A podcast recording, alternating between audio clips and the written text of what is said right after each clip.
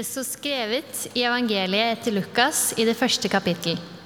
Da sa Maria, min sjel opphøyer Herren, og min ånd fryder seg i Gud, min frelser. For han har sett til sin tjenestekvinne i hennes fattigdom. Og se, fra nå av skal alle slekter prise meg salig. For store ting har han gjort mot meg. Han, den mektige, hellig er hans navn. Fra slekt til slekt varer hans miskunn over dem som frykter ham. Han gjorde storverk med sin sterke arm.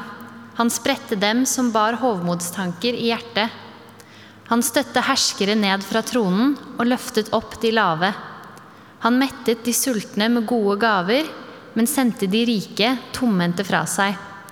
Han tok seg av Israel, sin tjener, og husket på sin miskunn. Slik han lovet våre fedre, Abraham og hans ett, til evig tid. Slik lyder det hellige evangelium.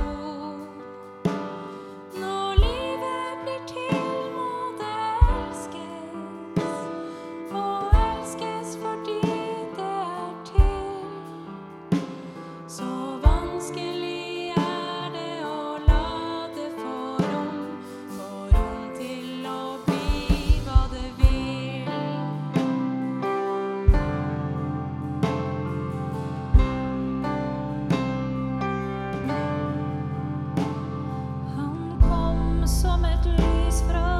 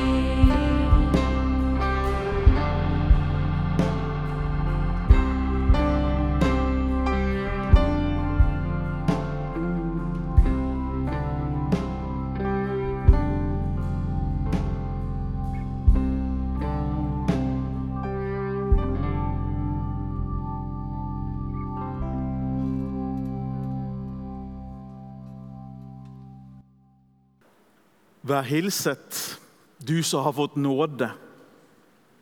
Herren er med deg. Det var ordene engelen hilste Maria med. Og Disse ordene skal vi holde litt fast i, for spørs om ikke det er også ord til oss. Maria har til alle tider blitt sett som en som er fylt av nåde til randen. Spesielt i noen kirkesamfunn har man vært veldig opptatt av akkurat det. Hail Mary, full of grace. Og man har tenkt kanskje på nåden som en slags substans. Det går an å være fylt av, er nesten overfylt av, å være bærer av. På en sånn måte at Maria ble mer bærer av nåde enn noen av oss andre.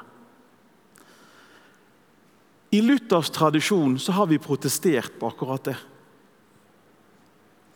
Vi har tenkt at Maria har ikke en spesiell verdighet som overgår alle andre menneskers verdighet. Og at det ikke er det som gjør hun forbilledlig, for hun er et forbilde. Men det er ikke fordi hun er mer fylt av nåde enn noen andre mennesker til noen andre tider. Det som er spesielt, er at Gud plukker akkurat hun og har vist hun nåde og sett på henne med gode øyne. Men legg merke til forskjellen. Vi er ikke her i fortjenestens landskap, der hun har fått dette fordi hun har særlig fortjent det ved å være mer ren, mer enn alle andre av et eller annet. Vi er her i velsignelsens landskap, der Gud ser med sine velsignende øyne, lyser fred over Maria, fyller hun med nåde og lover hjelp og bistand. Maria var mottaker av akkurat den samme nåden som du og jeg er mottaker av i dag, f.eks. i nattverden. Det er ikke forskjellige typer nåde. Nåden er én. Og nåden er alltid i seg sjøl ufattelig, ubegripelig, ufortjent, gratis og utrolig verdifull på samme tid. Men den opptrer aldri som større eller mindre. Den opptrer alltid som overmåte stor og gitt som en gave helt ufortjent. Nåden er alltid den samme, for nådens Gud både var, er og blir én sann Gud. Fra evighet og til evighet. Gud er den samme. Nåden er den samme. Maria var utvalgt på bakgrunn av nåde, ikke fortjeneste. Og Det gjør ikke Maria liten, for det her syns noen misser poenget. Poenget er at det gjør nåden stor. Det er jo poenget. Det er nåden som er det store i dette bildet. Det vi skal særskilt merke oss, syns iallfall jeg, i teksten, det er at Gud bruker et vanlig menneske til et helt uvanlig oppdrag. Sånn som Gud alltid har gjort. Uvanlig oppdrag til helt vanlige folk. Og så spørsmålet da, I Luthers tradisjon tenker vi, selv om ikke vi tilber Maria, selv om ikke vi har Hail Mary, full of grace, som en av våre praktiske bønner, tenker vi at det er noe forbilledlig ved henne? Ja, selvfølgelig gjør vi det. Hun har vært et forbilde for menn og kvinner i alle århundrer. Og På hvilken måte kan vi se henne som et forbilde? Sikkert tusen ganger mer enn jeg klarer å si, men skal peke på noen få ting. Det første jeg legger merke til, I sin lovsang så trekker hun frem Gud. Når hun snakker om seg sjøl, er det for å påpeke så heldig jeg er. Alle skal prise meg salig og lykkelig fordi Gud har gjort storhet mot meg. Jeg er blitt utvalgt. Hun er et forbilde i det å peke bort fra seg sjøl og peke på Gud. Og jeg tenker Det er evangeliets oppgave for oss som forkynner det. Peke på Gud. Peke mot den store Gud. Det er ikke å peke på oss sjøl. Maria eller Mariam eller Myriam, alt etter hvordan vi skal lese ordet hennes, det betyr 'den opphøyde'. Og Det er sannhet at hun er blitt opphøyet med oppdraget fordi hun har fått nåden. Den nåden vi alle er en del av. Og Dermed så passer tittelen likevel. Det høres finere ut på engelsk 'The Exalted One'. Syns av og til det klinger litt bedre på engelsk. Det blir litt sånn platt på norsk. Men nåden er aldri platt.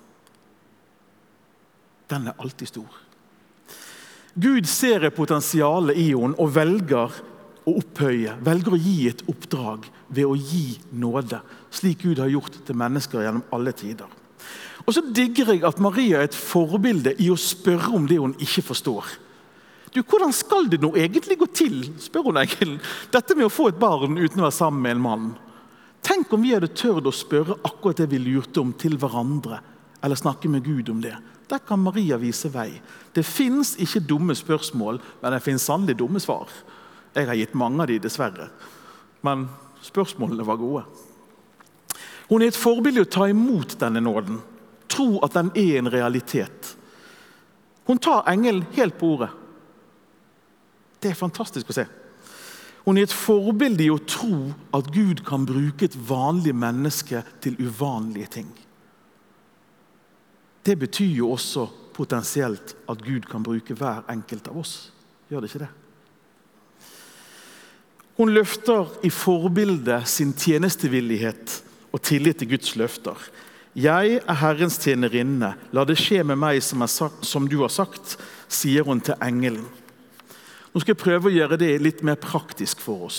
Det er å omsette bønnen vi ber hver eneste søndag her, til praksis. La din vilje skje på jorden slik som i himmelen. La det begynne med å skje i mitt liv. Det er jo egentlig det hun sier. Ingenting er umulig for Gud. Hvis jeg hadde fått et sånt oppdrag, så hadde jeg umiddelbart bekymret over alle utfordringene som ventet.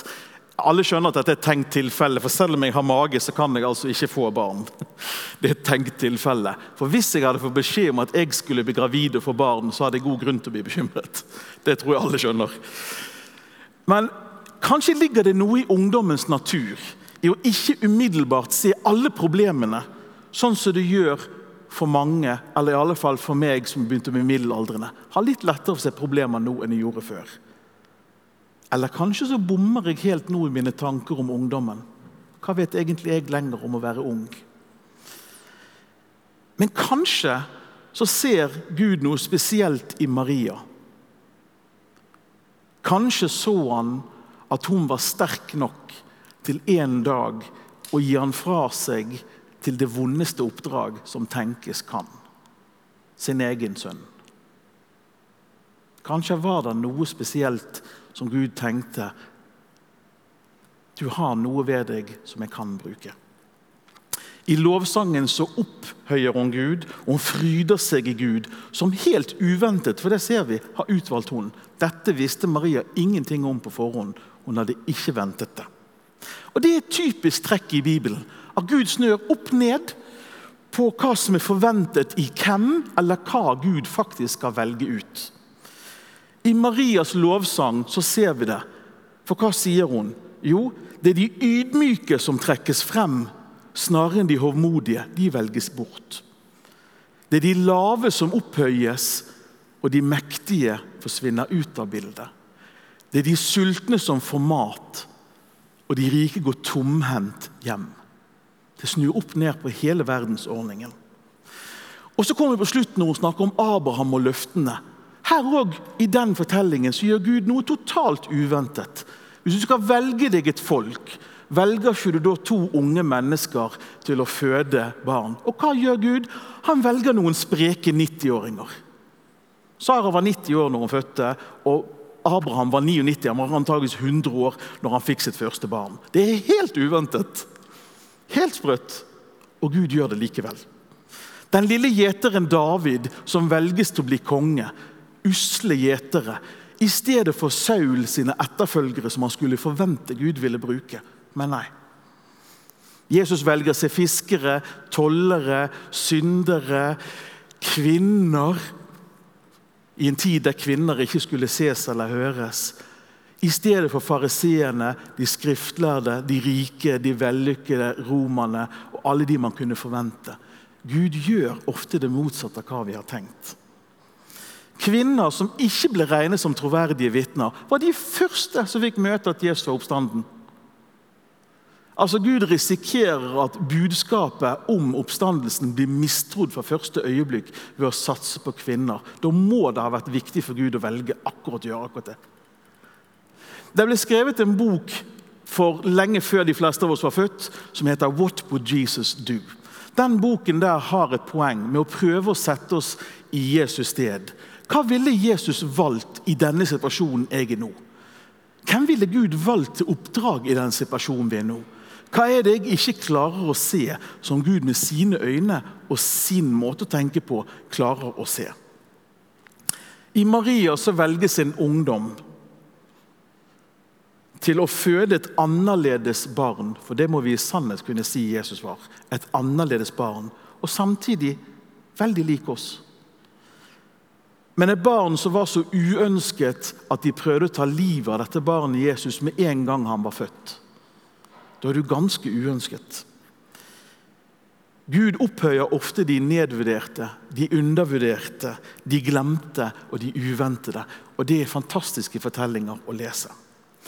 Når vi satt på stabsmøte på tirsdag, så sa Susanne at vet dere hva, denne søndagen her markerer også noe helt annet. Og Det har blitt værende hos meg og måtte bare finne en vei inn i preken. For i dag er også dagen for å markere Downs syndrom. Rockesokkdagen, liksom. Det er fantastisk. Og Hvis det er én gruppe i vårt samfunn som er sterkt undervurdert, så må det være Downs syndrom, de som har det. Jesus ble født, så sto de han etter livet. Men samfunnet står altså de med down etter livet før de blir født. Da står det ganske dårlig til. Hva vil Gud at vi skal se i mennesker med Downs syndrom, som vi som samfunn forkaster og på mange måter regner som ingenting? Jeg synes Det er et kjempegodt spørsmål å stille nettopp på Maria budskapsdag, der hun får gledesbudskapet om at barnet skal komme. Så er det noen andre som får det vanskelige budskapet. Barnet ditt, det er ikke som andre.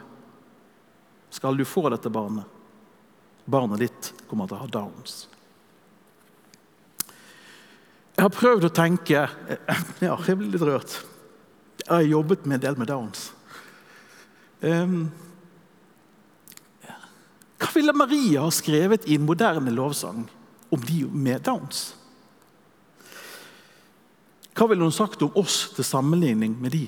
Var det de med downs som ville vært trukket frem, og vi som ikke ville nådd opp? Um, jeg tror Maria ville minne oss om at vi har alle verdi. I kraft av å være til, ikke i kraft av hva vi får til. Jeg tror hun ville sagt noe om at vi er verdifulle fordi vi er de vi er, nemlig skapt av Gud, elsket av Gud. Og at det ikke har noe å gjøre med hva titler vi har eller får. At det er det som betyr noe. I, I bildet av en menighet, som første korinterbrev, der Paulus skriver og betegner menigheten som en kropp, så trekker han frem noe som passer spesielt med de som er downs. De delene vi anser som svakest, de er helt nødvendige. Hva innebærer det?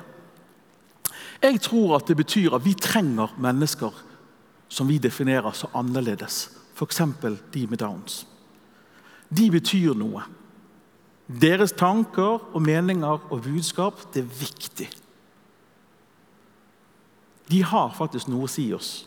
De har en plass, og på en arbeidsplass så er ikke de en byrde, de er en ressurs. Det er det mange som har fått jobbe med folk med Downs som sier. Det skjedde noe med arbeidsplassen vår etter den og den kom inn. Vi har blitt et bedre sted. Vi trenger de for å lage et godt samfunn, det tror jeg. Men for at de skal få innta sin rettmessige plass som likeverdige, så må vi kjempe deres kamp. For den kan ikke de kjempe sjøl. Ved å jobbe for et samfunn som faktisk har plass til dem, som faktisk ønsker de velkommen, og som hjelper og støtter foreldrene deres på en sånn måte at det er langt bedre i dag, så det blir et reelt valg å bære frem barnet i forvissning om at ikke bare barnet er velkommen, men foreldrene kan få den støtten de faktisk trenger. For det gjør de veldig ofte ikke i dag. alternativ til abort som vi som kirke snakker om, for det snakker vi ganske mye om, det må være mer enn ord. Og Nå prøver jeg ikke å rette en pekefinger, for nå tar jeg frem denne forferdelige fingeren. Sånn pekefingeren. Det er ikke en pekefinger mot de som har tatt abort. Hvis vi hadde hatt lov til det, tenk 2019, ikke korona, så hadde de trengt en klem og all vår støtte og all vår oppmuntring, for de har stått i et veldig vanskelig valg. De måtte kanskje ta det valget de ikke ville. Klem og trøst ville gitt. Men en pekefinger til min egen kirke kan jeg rette, til meg som prest og til hele vårt samfunn.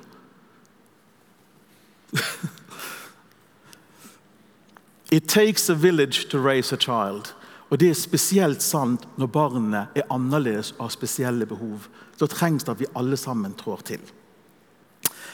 Det å bære frem et barn som er annerledes og av mange uønsket, det er en måte å aktualisere Maria budskapsdag på. For sånn er det for mange fremdeles. De foreldrene som bærer frem barna i dag, de trenger mer enn vår hyllest og ros for innsatsvilje. De trenger faktisk reelle ordninger for at det går an å ta vare på barna. Og så må de vite at den dagen de ikke er der lenger, så er det noen som er glad i ungene.